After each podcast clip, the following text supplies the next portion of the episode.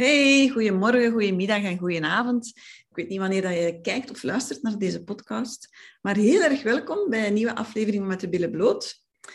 Ik heb heel veel zin in dit gesprek. Ik heb altijd zin in alle gesprekken eigenlijk, maar uh, zeker in dit gesprek ook wel. Uh, want ik heb uh, een dame bij mij die ik helemaal niet ken. Ik ken haar alleen van naam. En ik ben echt benieuwd waar dit gesprek naartoe zal gaan. Het is iemand die ik, ehm, ja, die ik als vrouw heel erg bewonder om wat dat ze neerzet. Um, ik denk dat we een beetje met dezelfde dingen bezig zijn, maar vanuit een andere insteek. En um, ja, het is voor mij altijd fijn om, ja, om te connecteren met, met vrouwen die een gelijkaardige visie hebben, die een gelijkaardige missie hebben. En um, ook al zijn we met dezelfde dingen bezig, volgens mij zijn we ook heel anders. En uh, daar ben ik heel nieuwsgierig naar. Ik heb naast mij, niet letterlijk, want uh, het is een, uh, een opname. Uh, deze dame woont bijna over de grens en kon daardoor niet tot bij mij komen. Maar dat is niet erg, want het voelt wel alsof ze naast mij zit. Ik heb naast mij Eva en sommigen zullen haar zeker kennen, maar ik ga haar zichzelf laten voorstellen. Eva, wie ben je? Goedemorgen. dat, is, dat is altijd zo'n beladen vraag, hè? Wie ben? Ik ben, ik ben bovenal mens. Ik denk dat dat heel belangrijk is om, uh, om daarmee te beginnen. Ik ben vrouw, ik ben partner, ik ben mama. Um, en daarnaast probeer ik um, zo goed mogelijk mijn zielenopdracht hier op aarde te vervullen. Misschien dat dat ook beladen klinkt, maar ik probeer heel hard te doen waar ik goesting in heb en zo weinig mogelijk te doen wat ik eigenlijk niet plezant vind. Mm. Um, en dat is een tijd lang niet zo goed gegaan, waardoor ik heel erg ziek ben geworden. Mm -hmm. Maar nu, sinds een aantal jaar, gaat dat behoorlijk goed. Hmm. Je zegt daar al direct iets heel interessants, Eva. Een zielenopdracht. Als er ja. even die vrouwen heel veel aan mij stellen, dan is het wel, lieve, hoe weet ik in godsnaam wat dat mijn zielenopdracht is? Ja, goede vraag. Hè? Eigenlijk weet ik het zelf ook niet hoor. um, om, om, omdat het we hebben, we hebben ook nog een heel levenspad af te leggen. Hè. Dus in mijn geval, ik ben 32 jaar. Ja. En het zou ook maar gek zijn, moest ik het nu al allemaal uitgevogeld hebben. Hè. Um, dus, dus ik geloof dat dat eigenlijk um, vooral gaat over luisteren naar intuïtie. En, en wij vrouwen hebben zo'n ontzettend sterk buikgevoel. We, we, we, staan er ver van tegenwoordig. Mm -hmm. um, door, door hoe de maatschappij is ingericht, hè, die heel erg gericht is op, op mannelijke energie, op blijven gaan, op hardheid waardoor dat fluisterstemmetje steeds stiller wordt. Um, maar ik doe toch heel hard mijn best in hoe dat ik mijn eigen leven leef, hoe dat ik um, zelf vrouwen begeleid, mm -hmm. um, hoe dat ik mijn dochter opvoed, om eigenlijk in verbinding te blijven met dat, met dat fluisterstemmetje, omdat daar zoveel info in ligt. En mensen die aan het luisteren zijn, die gaan dat wel kennen, zo van die momenten dat je iets gevoeld hebt, maar je hebt een andere keuze gemaakt en uiteindelijk draait het toch uit zoals dat je eerst gevoeld had. En zo, dat gevoel van zo, ik wist het. En potverdorie, je werd niet naar geluisterd. Dat. Um, dus echt die fluisterstem gaan volgen. En, en um, om, om, het, om het misschien in een iets um, eenvoudiger of iets actuelere taal te zeggen, dat is eigenlijk authentiek leven. Um, doen wat dat bij je past. Hè? Want wij, wij zijn zo extern gericht dat we gemakkelijk anderen laten beslissen over hoe dat wij moeten leven, maar eigenlijk weten die niet hoe het is om in onze schoenen te staan. Mm -hmm. En we zijn zo gericht op um, anderen die ons oplossingen aanreiken, terwijl ze eigenlijk zo diep in onszelf zitten. Um, dus dat is wat ik bedoel met die ziel. Heel, eigenlijk gaan leven van binnen naar buiten, in plaats van naar buiten naar binnen. Dat is uh, al heel mooi gezegd en we zijn maar net begonnen eigenlijk. dat is eigenlijk al essentie. En voilà, dan kunnen we nu afronden. Nee, nee, nee. Nee, maar uh, ja, authentiek leven, dat is ook wel iets hè, dat ik ook vaak uh, hoor passeren van, ja, je moet gewoon jezelf zijn. Maar op zich ook, wat ik daarin ook heel erg voel, is, ja, dat is ook vol continu in beweging. Zo ervaar ik dat. Hè, want wat is dat dan juist, jezelf zijn? Wat betekent dat voor jou? Oh, ik, ik omschrijf het vaak. Um, wat dat er gebeurt, hè, we worden geboren en we zijn 100% onszelf. Hè. Dat babyke, dat, dat trekt ook iedereen zo aan. Hè. Dat, is, dat is van zo'n magie eigenlijk, omdat die zo puur um, ja, puur in zijn eigen vel zit eigenlijk. Hè. Die, is, die is nog niet gevormd, die heeft nog geen deukjes, letterlijk, maar ook figuurlijk.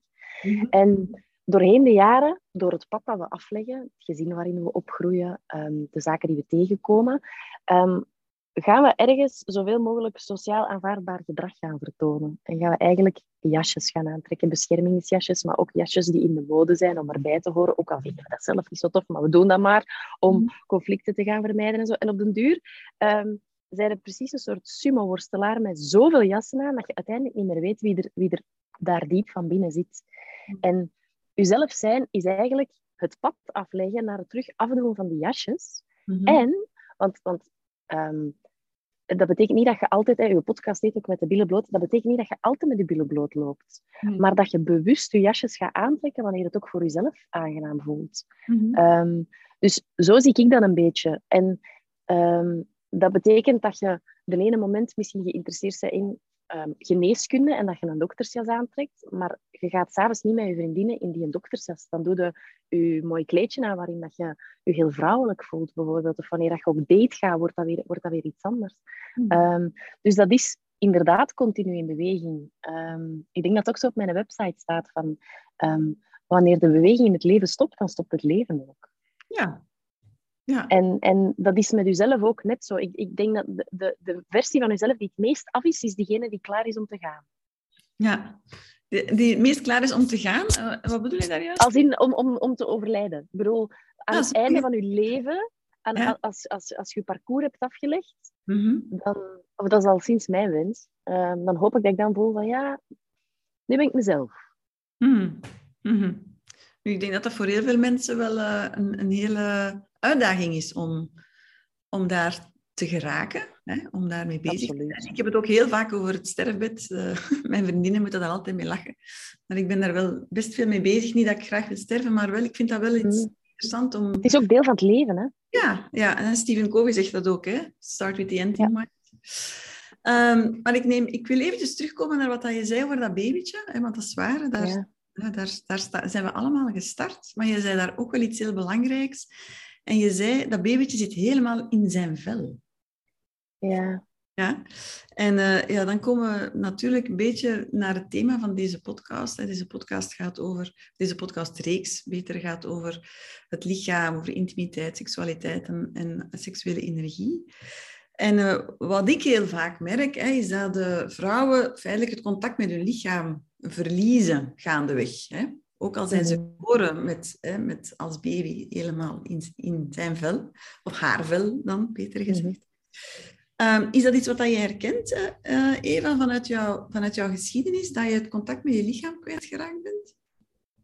Ja, en ik, ik denk dat dat ook gewoon komt door het, het, uh, de plek op de wereld waarin dat wij leven. Uh, wij worden ergens zo gezien als een hoofd met pootjes.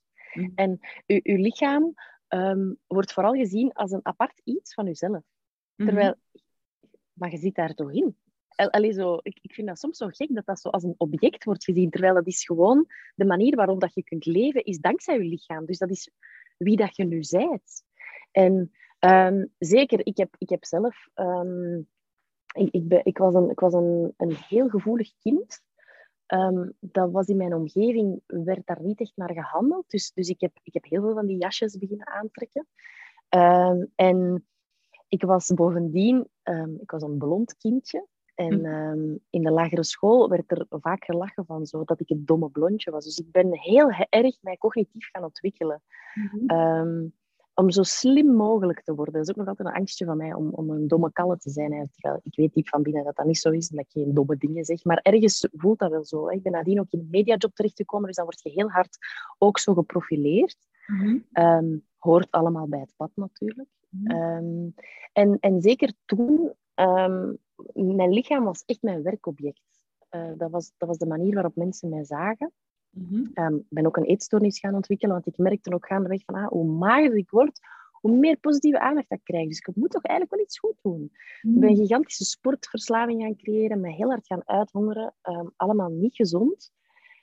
Tot uiteindelijk koning lichaam ineens de kroon opzetten, september 2015. En er is toen echt precies een draadje in mijn hoofd doorgeknipt. De druk, de, lading die ik op mezelf legde, de gigantische strengheid, uh, de faalangst, het proberen beantwoorden aan alle verwachtingen, uh, de pleaser, de perfectionist, neem het, ik was het.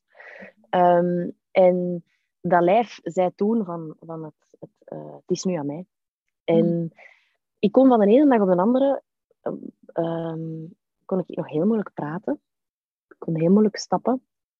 Um, ik ben in drie weken tijd 18 kilo bijgekomen, vanuit het niks. Ik at nog altijd hetzelfde, maar gewoon vocht. Echt, eigenlijk, als je de boeken van Louise Hay leest, ken je hm. waarschijnlijk ook wel. Um, als ik daar achteraf naar kijk, dat was effectief gewoon mijn lijf die mijn zachte zelf tegen de wereld ging beschermen. Die dacht van ja, ik ga hier even zo voortbouwen dat er niemand hm. binnenkomt, want je hebt even wat rust nodig.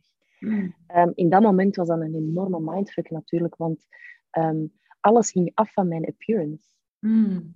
Mm-hmm. Of zo leek het toch voor mij. Mijn job als tv-gezicht Um, op de radio, dat is ook niet louter je stem laten horen. En je wordt ook heel erg als gezicht geprofileerd. Um, Ik mocht modellenwerk doen, ik ontwierp kleren, wat was het allemaal? Ja.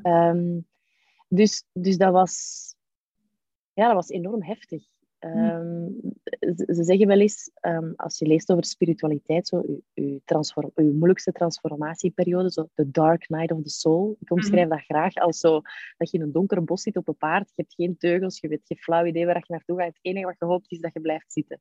Zo, dat gevoel had ik toen, van ik, het was gewoon pikken donker. Het was zo depressief, het was, het was zo heftig. En mijn lichaam schreeuwde, echt enorm hard. Dat brandde langs alle kanten. Um, ik heb eigenlijk al, al um, sinds dat ik 19 was, heel pijnlijke darmen. Hè. Je emotionele brein, dat werd gewoon totaal onderdrukt bij mij. Mm -hmm. um, en sinds mijn, ik, ik ben dan wel al, al vroeger um, begonnen met, met mijn voeding te gaan aanpassen. En dat had al heel wat geholpen om eigenlijk die infectie uit mijn lijf te krijgen. Maar met een burn-out, dat was voor mij eigenlijk de start om terug in contact te komen met mijn lichaam. Uh, mm -hmm. Mijn yoga beginnen doen, echt terug in verbinding komen was in het begin echt zeer frustrerend. Um, Zeker zo yin-yoga. Oh, kom me halen alsjeblieft. Ik weet nog dat ik na mijn eerste les zei, nooit meer. En nu geef ik daar zelf les in, dus het is wel een weg geweest. Um, maar maar het, het, ja, het, het, is eigenlijk absurd. Um, vooral omdat ik ben nu zelf mama van een dochter. En ik weet nog, als mijn dochter één of zo was, dat ik er samen met mijn zus, een van mijn zussen, een gesprek over had. En dat, we, dat het ging over zij heeft, zij heeft ook um, heel veel moeilijkheden met, met eten en zorgen voor haar lichaam. En dat ze, dat ze heel emotioneel werd en zei van... Ooit waren wij dit. Hè, wijzend aan mijn dochter. Hoe kunnen wij... Dat is toch de perfectie? Hoe kunnen wij zo hard gaan zijn voor onszelf? Hoe, mhm. hoe is dat gebeurd? En dat, ja, dat is effectief om, om, om, om heel droevig van te worden. Ja, ja. Of het kan net aanzetten tot... Exact. Ja, tot het ontketenen van, van, van een kracht en van een... Uh... Ja, maar ik denk dat die emotie toelaten een belangrijk gegeven is in dat moment. Ja. Want iets die nu zegt, dit ga ik niet toelaten, omdat het ook zo'n groot gegeven is. Omdat je ook merkt van, ja, ik leef al zoveel jaar in dit lijf. Mm -hmm. um, en eigenlijk ja, hebben, hebben wij geen band. Ik, ik, allee, eigenlijk eigenlijk um, ontken ik dat. En natuurlijk gaat dat roepen. Dat is negatieve aandacht vragen. Mm -hmm. Ja, ja. Zeg maar, uh, je, je bent daar redelijk vlot doorgekomen dan? Heeft het al wel een aantal jaren in beslag nee, nee, nee, nee. Nee, ik ben eigenlijk... Um, dus ik heb... Je zou kunnen zeggen dat ik heel mijn jeugd... Um, vanaf, alleen vanaf mijn tienerjaar, ik ben heel hard gepest geweest op mijn veertien en dan is dat heel hard begonnen. Ja? Van mijn veertiende tot vorig jaar heb ik eigenlijk een chronische buikpijn gehad, altijd. Oh, um, dus ik heb eigenlijk op een aantal jaar geleden... Uh, ik ben arts geweest en die sprak over fibromyalgie en ik wilde dat toch niet geloven. Dus ik dacht, nee, ik ga me niet identificeren met de pijn. Maar eigenlijk kan ik nu pas zeggen dat ik um, ehm, 80% van de dagen pijnvrij ben. En dat is meer dan ja, 20 jaar bijna anders geweest. Oh. Ja, dus het is heel heftig. Dat, is, dat kost enorm veel energie. Mm -hmm. um, dat voelt heel eenzaam. Wat, wat dat er eigenlijk zot aan is, is dat je denkt dat dat normaal is. Dat je mm. denkt dat iedereen dat voelt. Totdat je zo... Ik, ik ontmoette mijn man en dat is echt... Ja, um, fysiek is dat een, een, een, een soort atleet. Die, kan heel veel aan, die heeft heel veel energie, die heeft bijna nooit pijn. Als die valt, dan staat hij gewoon op en er is niks aan de hand. Terwijl ik stoot mijn knie en mijn knie zou uit de kom zijn. Hè, zo, zo van die toeren. Ehm, en pas toen begon mij dat te dagen van... Oh, amai, oké. Er, Mhm. er is ook een andere realiteit. Mhm. En wat voor mij een hele grote shift heeft, is, heeft gemaakt, is eigenlijk mijn mindset. Dus ik ben eigenlijk door op mijn mindset te gaan inzoomen, mijn lijf te gaan, gaan helen. Mhm. Want pijn was voor mij een mechanisme aangeleerd, een, allee, een programmering van vroeger eigenlijk, dat wanneer ik pijn had, dat ik, dat ik positieve aandacht mocht ontvangen. Ehm, waardoor ik dat eigenlijk zelf in stand hield. En dat was ehm, een harde noot om te kraken, om dat, om dat te beseffen. Maar ik heb dan echt besloten om het woord pijn niet meer uit te spreken. Dus Mhm. om echt te kiezen voor het woord ongemak. Mhm.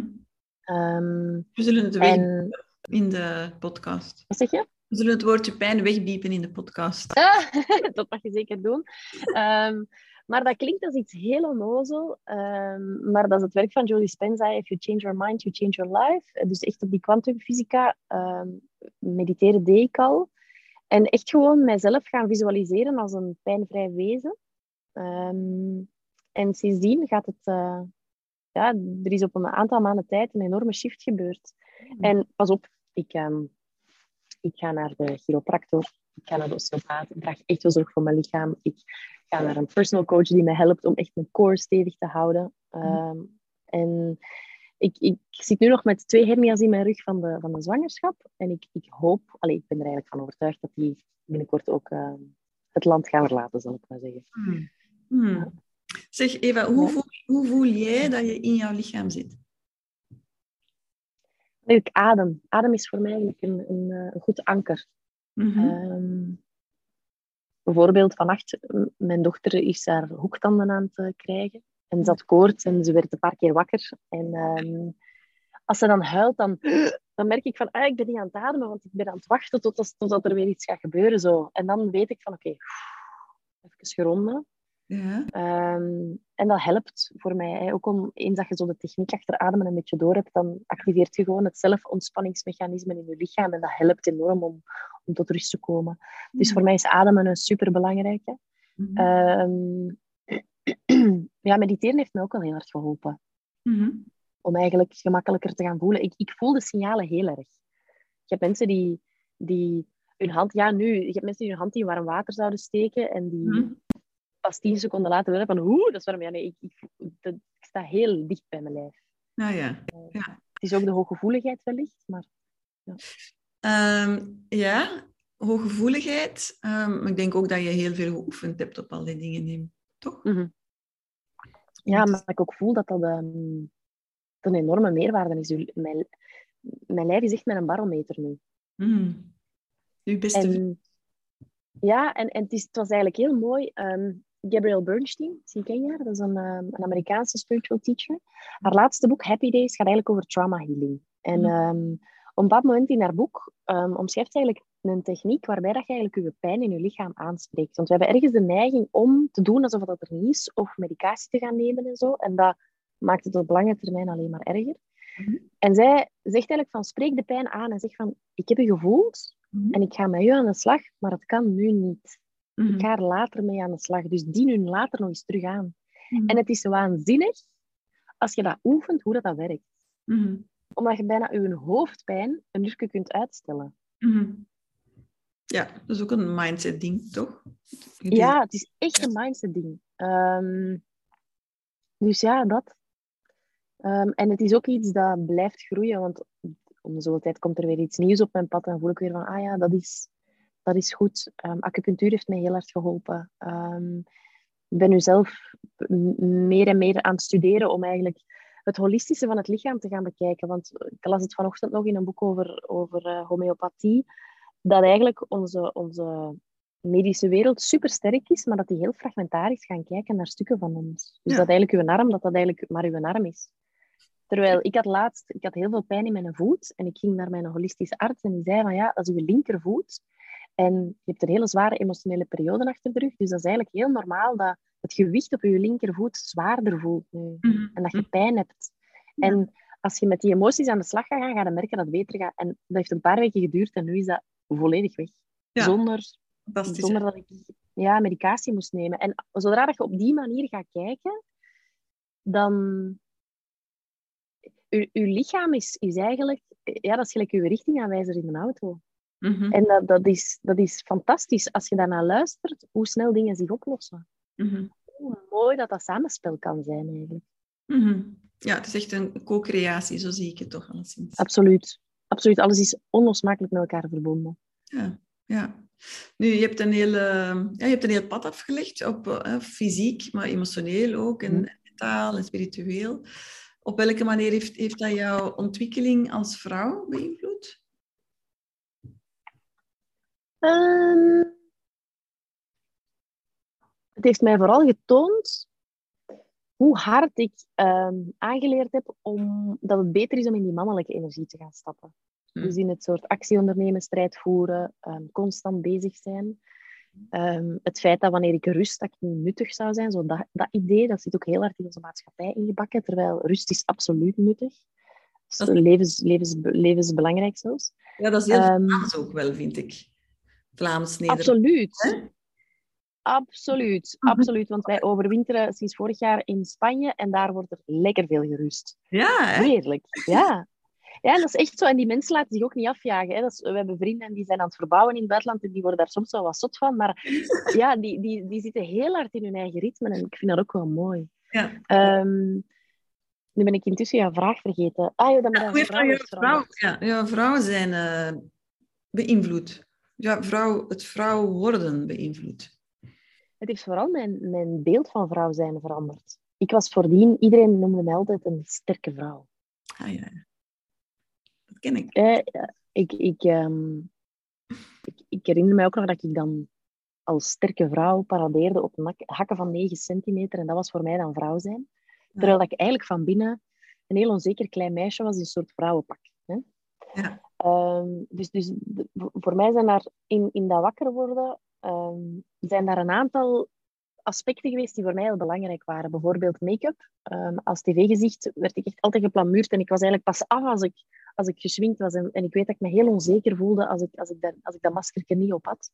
Dus ik heb op een bepaald moment besloten, ehm, ik weet dat nog heel goed, als ik, ik... Ik denk dat ik een soort business meeting had en dat ik toen besliste van, ik ga een keer zonder make-up gaan om te zien of ze mij even serieus nemen. Want ik dacht echt dat het daarvan afhing. Dat was uiteraard niet zo. Ehm, maar dat was voor mezelf een heel proces geweest om... ehm, ik draag nu nog graag make-up, maar gewoon op de momenten dat ik voel van... ehm, nu heb ik er zelf zin in, zoals vanochtend. Ik had er echt geen zin in. Ik weet dat ik vanavond geen zin heb om te gaan afdoen. En eigenlijk heeft dat geen invloed op wat ik hier ga vertellen. Maar dat dacht ik voordien wel. Dat dat heel veel invloed had op mijn waarde. En er is zo'n zinnetje dat, dat, dat al een tijdje met me meegaat. En dat is... You don't owe pretty. Mhm. En dat is iets dat ik heel hard heb gehad als tv-gezicht, dat ik moest mooi zijn voor andere mensen. Hmm. En dat dat een stuk mijn waarde bepaalde. Dat als ik mooi was, Mhm. dat het goed was. Hmm. Hmm. Is dat ook iets wat En- je... Want je zei in het begin eh, eh, dat je, je was een, een, een meisje, je had blond haar. Eh, heeft dat ook meegespeeld in jouw gezin van herkomst? Dat je mooi was en blond? We zijn, we zijn met drie meisjes opgegroeid en ik was altijd van in het begin, ik herken dat nu heel erg bij mijn dochter, ehm, heel bewust van mijn kleren. Ik was heel graag bezig. Ik, ik was heel expressief door mijn outfits die ik koos. Er zijn zo foto's dat ik geen boekentasje heb, maar zo'n oude handtas van mijn mama bijvoorbeeld. ik zelfs als kleuter al, dat ik denk, oeh, oeh. Ehm, en, en ik, ik wilde sproetjes als Pippi Langkous en ik was me er heel hard van bewust dat ik die niet had. Ja. Dus, dus ik, ik, ik, ik denk dat dat ook een stuk die hooggevoeligheid is, dat je, dat je zeer zelfbewust bent en dat je, dat je, zeker in die tijd, nu is dat anders, maar dat je weinig handvaten kreeg in hoe dat je daarmee kon omgaan. Dus wat dat je deed, was, was ehm, copingmechanismen ontwikkelen en perfectionisme was daar één van. En dat uiterlijk toont zich dat het beste. Want dat is het eerste wat mensen zien. Dus als je aan de buitenkant perfect uitziet, dan zal de binnenkant ook wel vrij perfect zijn. Ja. Ehm, en het, het, het positieve aandacht krijgen. Pas op, ik, ik zeg niet, dat was mijn programmering. Hè. Ik zeg niet dat dat zo is. Hè. Ehm, eh, maar dat was toen de idee. En ik, ik merk dat mijn zussen dat ook wel hebben. Ehm, en ja, ik weet niet precies hoe het komt of van waar het komt. Ehm, maar ik weet bijvoorbeeld wel dat mijn mama een, een hele fiere madame is. Ja. En, en dat dat in de familie ook wel zat. Zo mijn oma die kleedde zichzelf ook altijd wel op. En ik weet nog heel goed dat nadat mijn grootvader gestorven was, dat zij toch wel heel goed voor de dag kwam, altijd. Dus, dus dat er toch wel ergens een soort um, buckle-up in zat. Zo. Hmm. En, en dat dat ook iets was dat, dat, dat ik zelf dan aannam, alles, dat is, dat is goed als je dat zo doet. Mm Terwijl dat eigenlijk um, eerder het, het, het, ja, een stuk ontkennen is van wat je van binnen voelt. Mm. Um, dus het kan voor mij wel hand in hand gaan. Mm. Ik ben niet tegen make-up, absoluut niet. Dus ik, ik kleed mezelf ook nog graag op. Um, maar ik ben er wel even helemaal van moeten loskomen. Ik heb echt ook een jaar geen kleren gekocht, niks gekocht. Een, een jaar bewust geen make-up gedragen om echt te voelen wat het is om gewoon te zijn. Mm -hmm. En dat heeft jou veel opgeleverd, hoor ik. Ja, het, het was ook alweer een stap om het weer te mogen van mezelf. Want dan zit je weer helemaal aan de andere kant. En dan, dan was het van ja, maar ik, want ik weet dat ik daar, als ik mijn man in het begin leerde kennen, zo'n gesprek over had van ja, ik, ik vind het soms moeilijk, want um, ik, ik vind kleden gewoon heel leuk. Mm ik, vind het heel, ik vind het heel leuk om met, met kledij bezig te zijn. Ik vind het, ik vind het absoluut superleuk om, om originele stukjes te scoren of te vinden. Of, of zoals nu de zoektocht naar tweedehands schatten voor mijn dochter. Ik vind dat fantastisch. Dus dat mag ook. Mhm. En, en dat, dat, is, dat hoeft niet oppervlakkig te zijn. Dat, dat mag ook gewoon een deel van mezelf zijn. Want dat is ook ergens dan zo'n stuk dat je... Dat, ja, laat ons zeggen dat ik, dat ik op zowat alles een oordeel had. Mm. Zowel de ene kant als de andere kant. Dus dat dat, dat, dat voor mij ook wel een soort... Um, dat ik het mezelf wel mag gunnen om daarmee bezig te zijn. Dat daar niks slechts mee mm. of aan is. Over oordelen gesproken, zo welke, met welke norm in de maatschappij heb je het, heb je het hardste geworsteld als vrouw dan?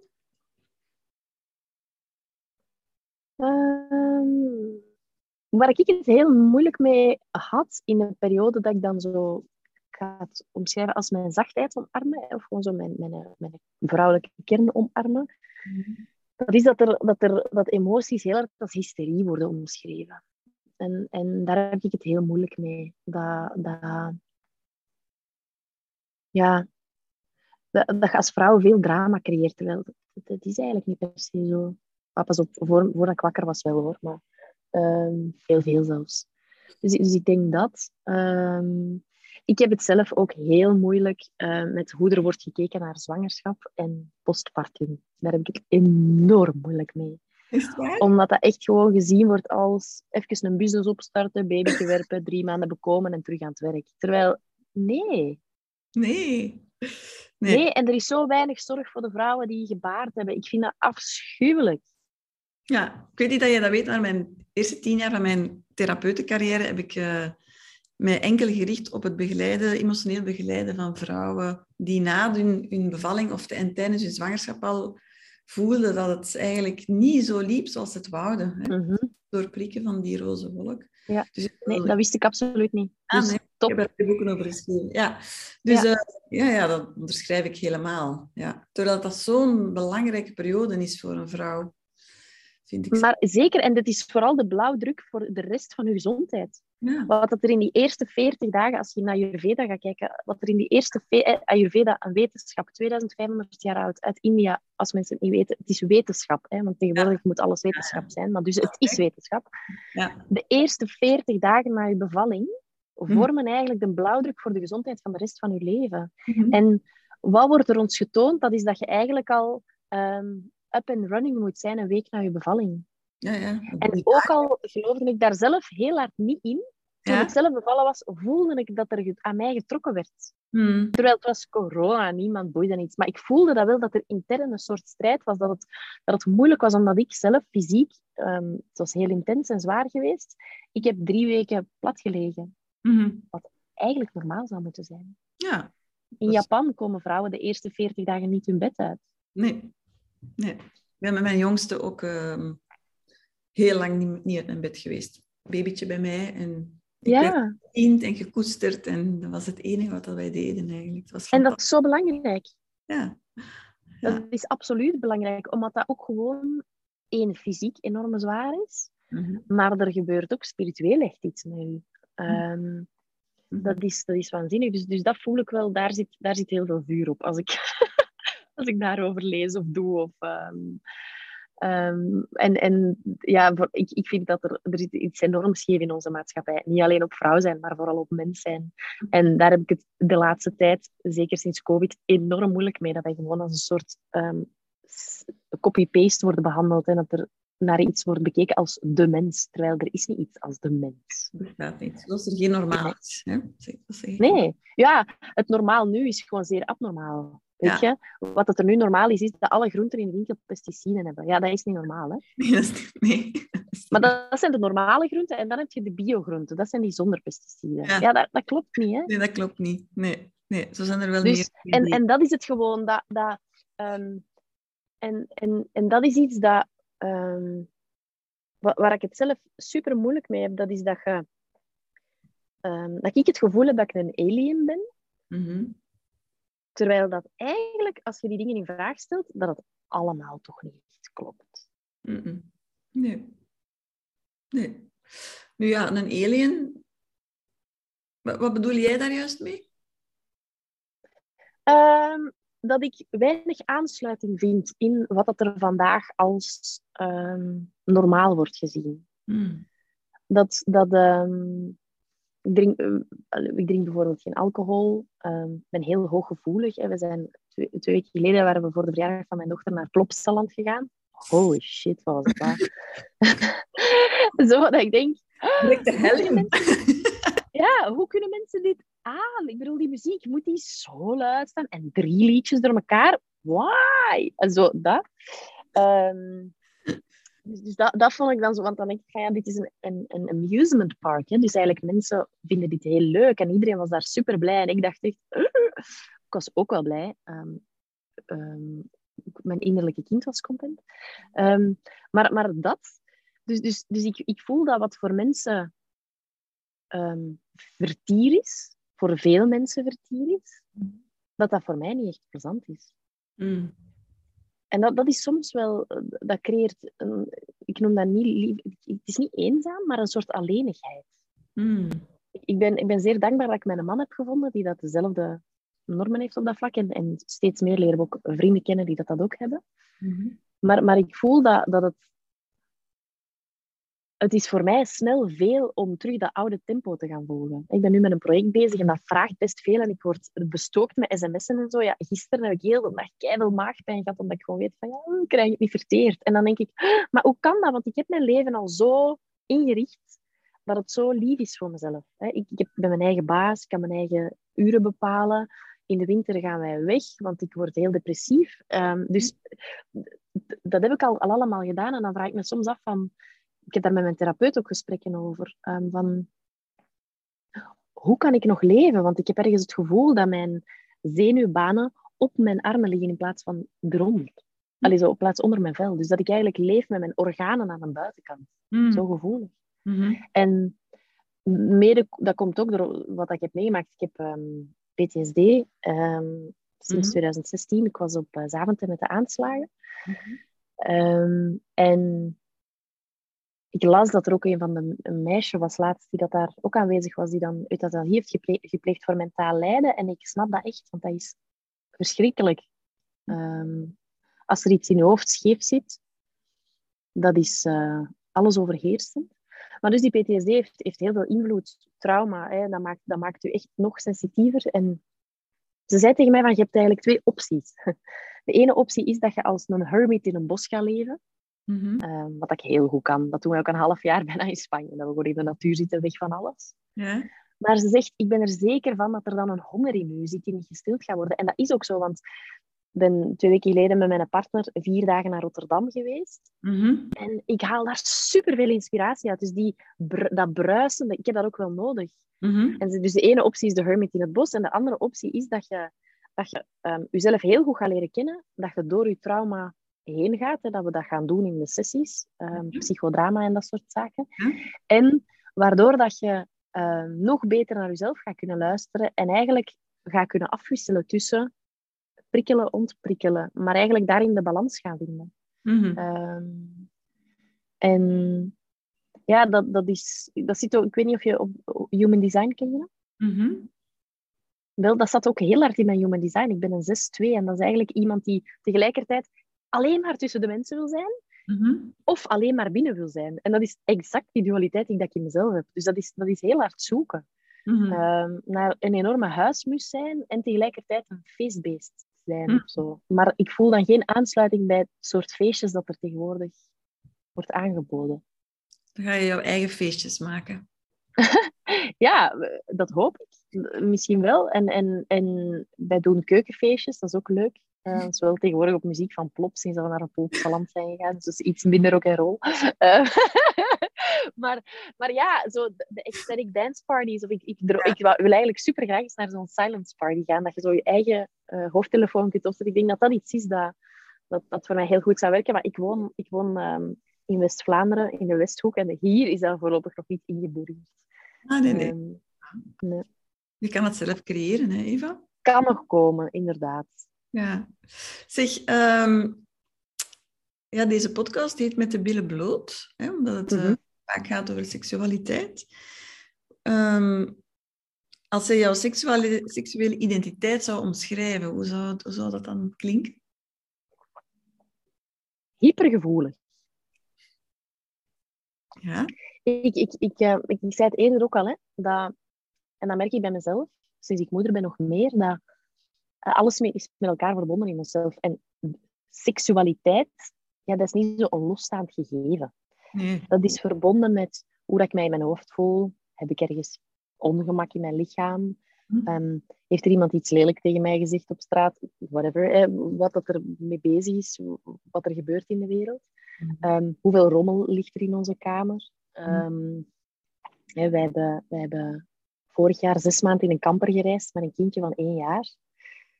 Dapper. Veel seksualiteit kwam daar niet, bij kijken. Hè. Ik bedoel, er, je vindt een nieuwe vorm van identiteit. En ik, denk dat wat, wat voor mij daar zeer belangrijk in is, is ehm, communicatie is een superbelangrijke spil voor het activeren van mijn seksualiteit. Hmm. Ehm, wij hebben... Mijn man is zeer viriel, zal ik maar zeggen. en als we elkaar hebben leren kennen, hebben we elkaar echt in een soort ehm, vuur gevonden. Mhm. En dat is wel mooi, want, want ehm, zijn therapeut zegt van dat is eigenlijk het potentieel voor je relatie. Dus dat is eigenlijk heel mooi. Hè? Ja. En dat is natuurlijk heel moeilijk, omdat je daar een glimp van hebt kunnen opvangen en als dat nadien verandert. Hè? Want ik heb dan eh, miskraam gekregen. Wij zijn verhuisd ehm, naar de kust en dan hebben wij heel veel last gehad van nachtlawaai. Het geeft enorm veel stress, ook niet goed voor je intimiteit. Je zit in survival mode. Hè? Hm. Ehm, dus dat trekt u al heel hard weg van die, van die kern. Mhm. Ehm, nadien heb ik een miskraam gekregen, hebben wij een rechtszaak gehad op ons huis. Is onze dochter gekomen, heeft zij heel veel ehm, ehm, eh, fysieke problemen gehad. eh, heel veel huilen, kon niet slapen. blablabla. Ik gaf borstvoeding, dat is ook echt zo nature's way to say bye-bye. Ehm, dus het, het- er, is, er is heel veel gebeurd daar rond. Ehm, ik weet ook nog dat ik, want ik was zo, als ik, ik was vanochtend denk van, ah ja, ik heb straks die podcast, seksualiteit. En ik, ik moest heel hard denken van, hoe is dat bij mij gebeurd? Want, want vroeger thuis was er heel veel ongemak als er zo innig gezoend werd op tv of zo. Dan weet ik dat mijn zussen en ik echt zo tussen de kussens in de zetel wilden verdwijnen. Ehm, of dat ik dan even een mandarijntje ging halen in de keuken, zo weet je wel, zo'n dingen. Eh, en dat, als ik als kind of als tiener, ik zoende zo heel veel op mijn hand. Dat was zo'n beetje mijn manier van, van ontdekken. ja. Ehm, ik heb mezelf heel weinig aangeraakt als, als tiener. Mhm. Ehm, eigenlijk bijna niet zelfs. Eh, nee, eigenlijk niet. Ik denk dat dat pas later gekomen is. En ik weet dat ik van een van mijn eerste vriendjes kreeg ik voor mijn verjaardag een, eh, een vibrator. Een groot paars geval. Ja, ik kreeg ook een hoofdkussen. En wat kreeg ik nog? Ik weet het niet zo goed. Ja, ik was heel boos. Ik was super boos toen. Ik was echt heel gegeneerd. Ah ja. Ehm, en waarover, ontzettend... ja, waarover dan was je gegeneerd? Ik wist echt niet wat ik daarmee moest. Dat was zo, voor mij was, was seks iets wat dat je samen deed. Dat was absoluut niks van mij alleen. Dus ik, ik was heel gegeneerd. En ik, ik weet dat dat vooral kwam... Ik, ik heb denk mijn eerste orgasme pas op mijn 25ste of zo gehad. Ja. Dus, dus ik wist het ook echt niet van... van ik, ik vond seks wel leuk. Dat was niet dat dat... Ja, ik vond dat gewoon leuk. Ik, ik wist niet dat er... Dat er dat zo... Ik wist niet dat er andere zaken waren. Hè. Als je in een caravan woont, dan vind je een caravan leuk. Je weet niet dat er een villa is met een zwembad en bla. Ja, ja, ja. Dus dat was bij mij ook zo. Ja. Maar die eerste vibrator, die is dan wel... ehm, die heeft heel lang in de kast gelegen, totdat ik uiteindelijk op mijn 24e of zo... ehm, single werd en dacht van ja, nu ga ik misschien wel eens proberen. Ja. En de, het, de vibrator, ik, ik heb hem nog altijd, hij werkt maar hij maakt heel rare geluiden.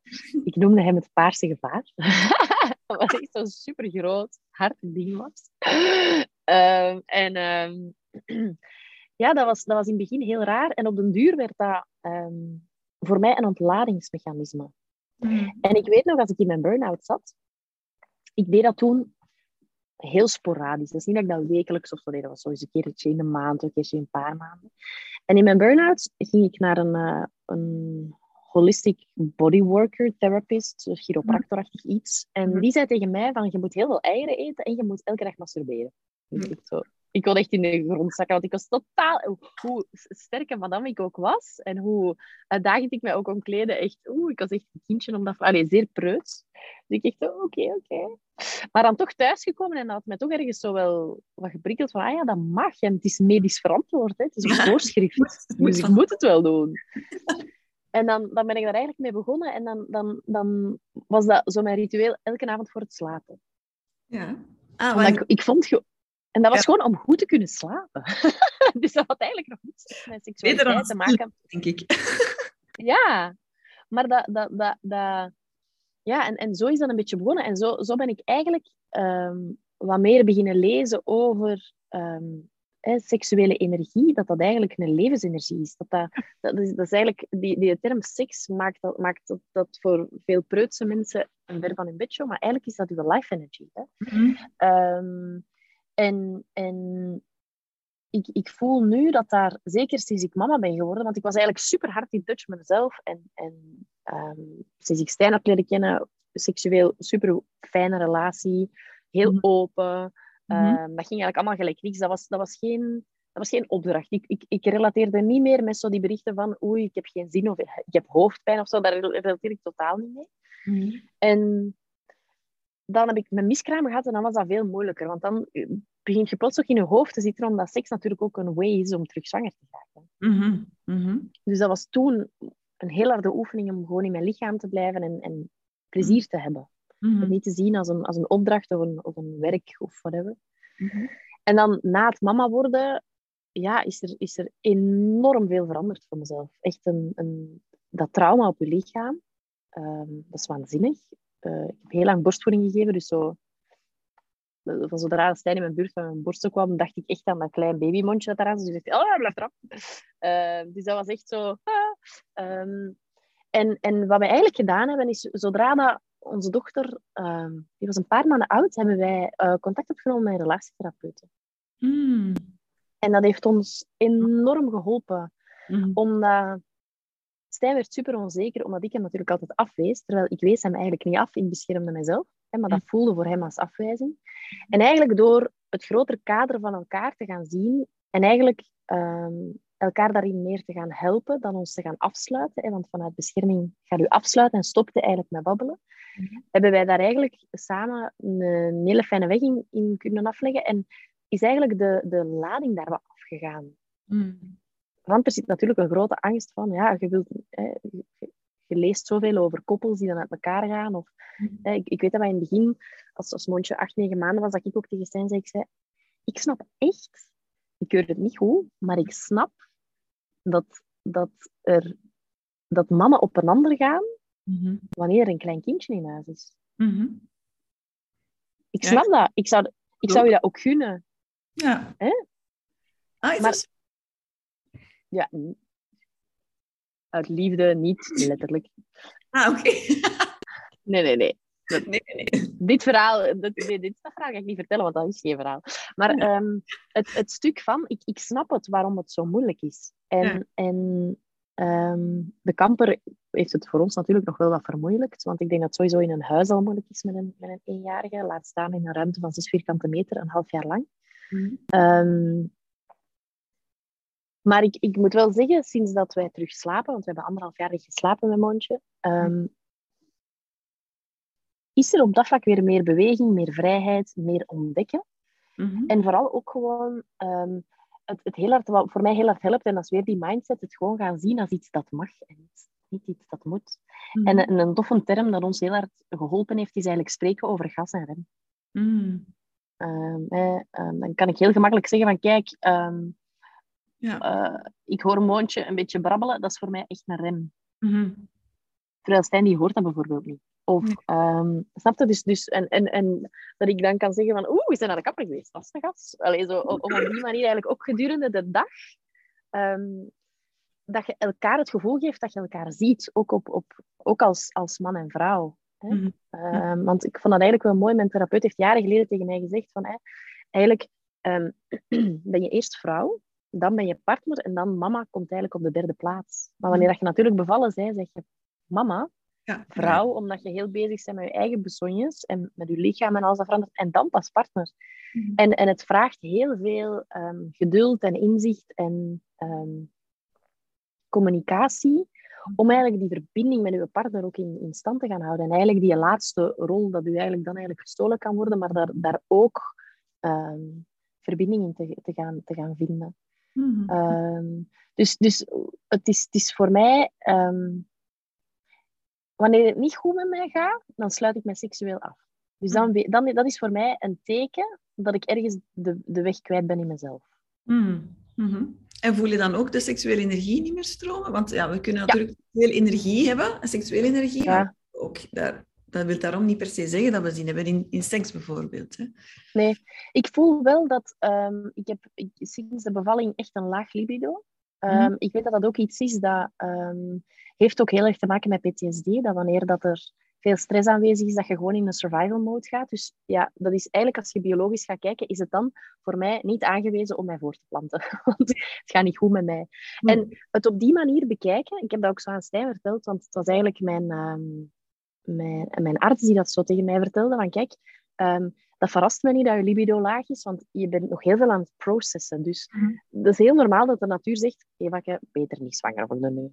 En door dat op die manier te gaan zien, mm -hmm haalde ik daar, of kon ik daar ook wel de schuld een beetje van afhalen. Hmm. Ja, wat... Snap je? Want er zat, er zat een soort... Uh, ik, ik, voelde heel hard... Ik, ik, geloof heel hard dat je verantwoordelijkheid hebt voor je eigen leven. En ik voelde heel hard de verantwoordelijkheid daarin. Van... Mm -hmm. Ja, ik ben, ben niet goed genoeg aan het doen, want ja, het stroomt niet. Mm. Terwijl ik vind mijn man echt heel heet. Dus ik bedoel, eh, snap je? Ik vind die heel knap. En ik, ik, ik, waar is hij? Dus, waar is hij? Hij is, hij weg, sorry. ik heb hem opgesloten in zijn glazen kastje. In de kelder. Nee, maar... Um, ja, maar... maar um, dus dus ik, ik, dat is niet dat het daaraan ligt. Maar het, het is gewoon wel heftig als er... Als er misschien, misschien dat ik het zo kan omschrijven, dat, dat wanneer er te veel, dat, er, dat eigenlijk alle kamertjes in mijn hoofd bezet zijn, dan is er geen kamertje meer vrij om iemand uit te nodigen. Ja, ja. Hmm, vind ik wel interessant wat je zegt, want ja, het seksuele energie, dat zit in ons lichaam, hè, zit eigenlijk niet in ons hoofd. Nee, maar het een blokt het ander af natuurlijk. En wat, wat, wat, er, wat voor mij wel belangrijk is, en dat, dat noem ik dan mijn daily practice, dat is ook die masturbatie terug. Ja, ja, en ademen, hè. ademen, ademen, ademen. Ja, en dat dan voelen. En, en ook gewoon gedurende de dag uw aandacht ja, naar, naar, um, ja, naar uw kruisen brengen eigenlijk. gewoon... Ja, bekken, groot bekken, klein bekken. Ja. ja. ja. ja er, veel mee, er veel mee...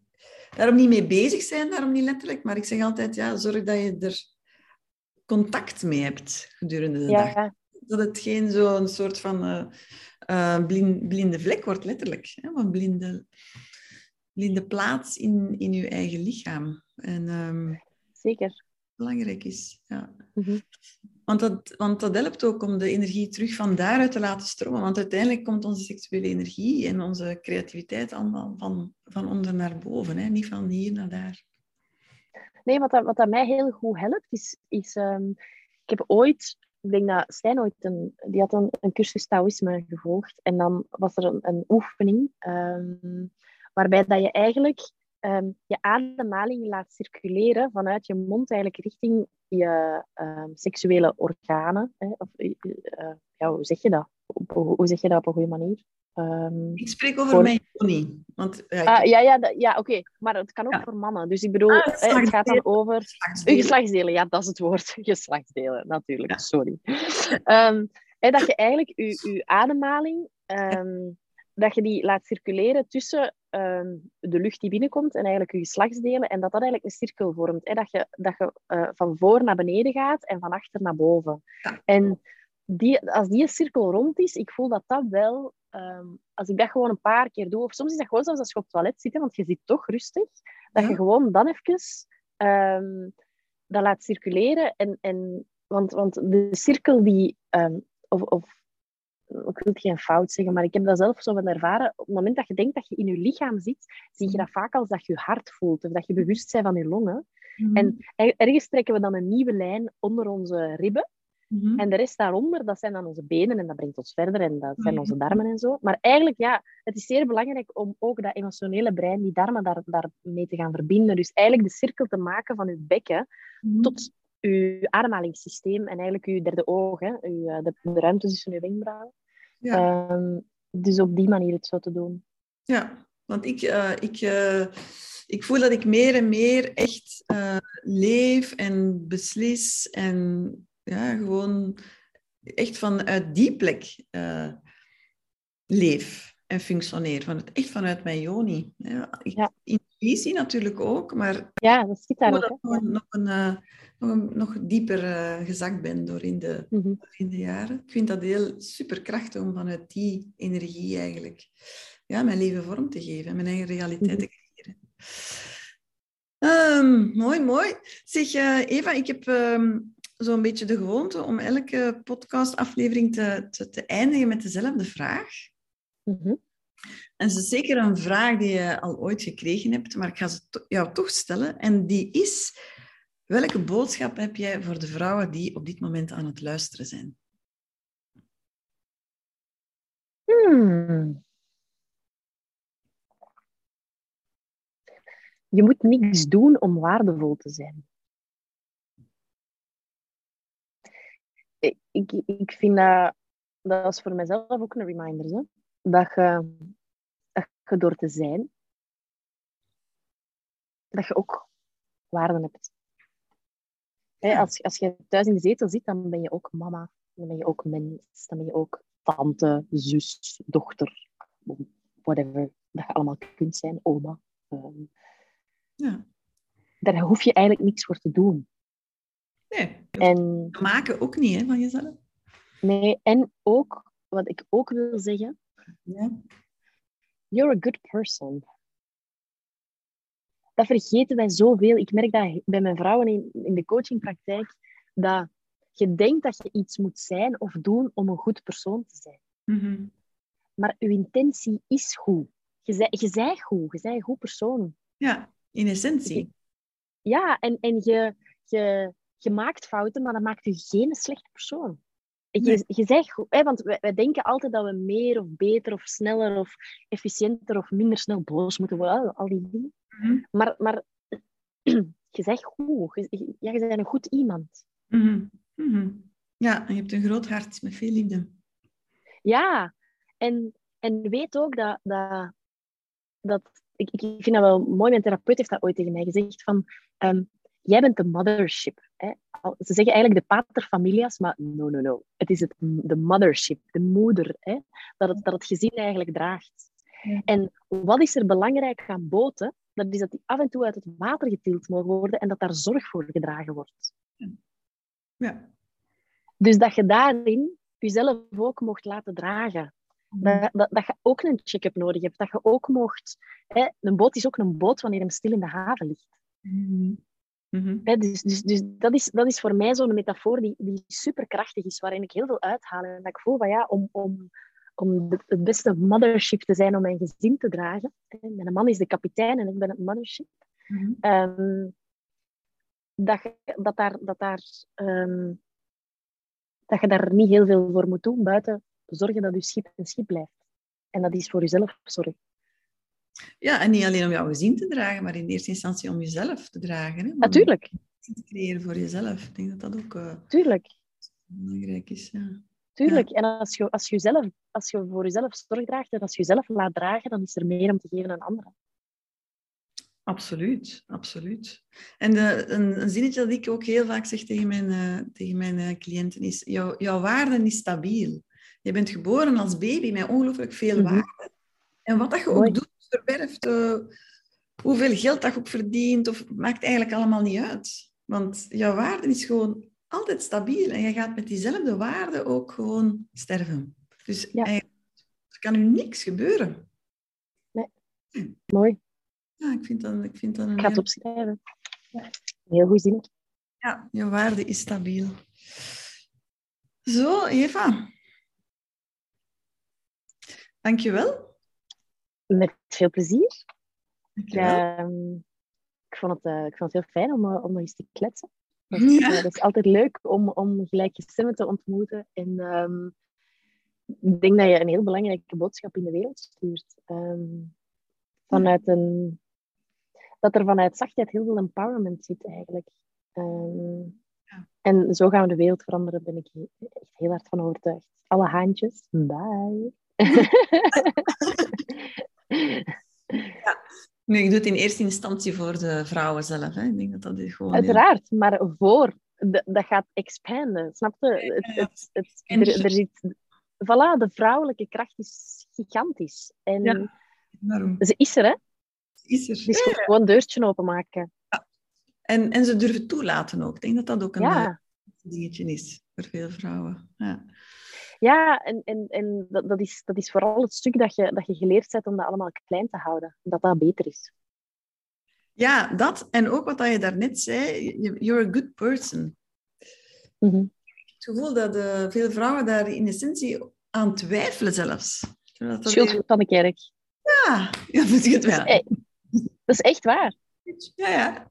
Onder andere een opvoeding en... en shame, de shame gewoon erop. Ja hebben meegekregen. Ja, terwijl we... En het, het, het vieze, het, het, het, het, schaamtestuk. Het, ja, ik, niks droeviger vind ik dan zo van die jonge meisjes zien waar dat zo net het gegeven schaamte is ingeslopen. Mm -hmm, ik, loop nog met, ik heb nog een naturist in huis die liever geen kleren aan en dat vind ik fantastisch. Ja, ja, ik, en ik hoop dat ze dat kan blijven vasthouden. Maar je ziet dat op een bepaald moment ja die schaamte daarin sluit. En dat is, dat is super heftig, vind ik, om te zien. Want dan, je ziet natuurlijk jezelf ook heel hard. Hmm, ja, dat is een grote spiegel. Ja. Ja. ja. ja. en daarin kunnen we onze kinderen wel voorleven, natuurlijk. Hè? Geloof ik heel hard. Dus, uh, Dank je wel. Graag gedaan. Zo, lieve mensen, eh, we zijn aan het einde gekomen van, van, van deze aflevering, zoals ik dat altijd noem. Ik ben heel benieuwd ja, wat het gesprek met jou gedaan heeft, waar het heeft geprikkeld en getinteld en gevibreerd heeft. En uh, je mag mij dat altijd laten weten. En dan uh, zie ik jou heel graag voor een volgende aflevering van Met de Billen Bloot. Tot gauw.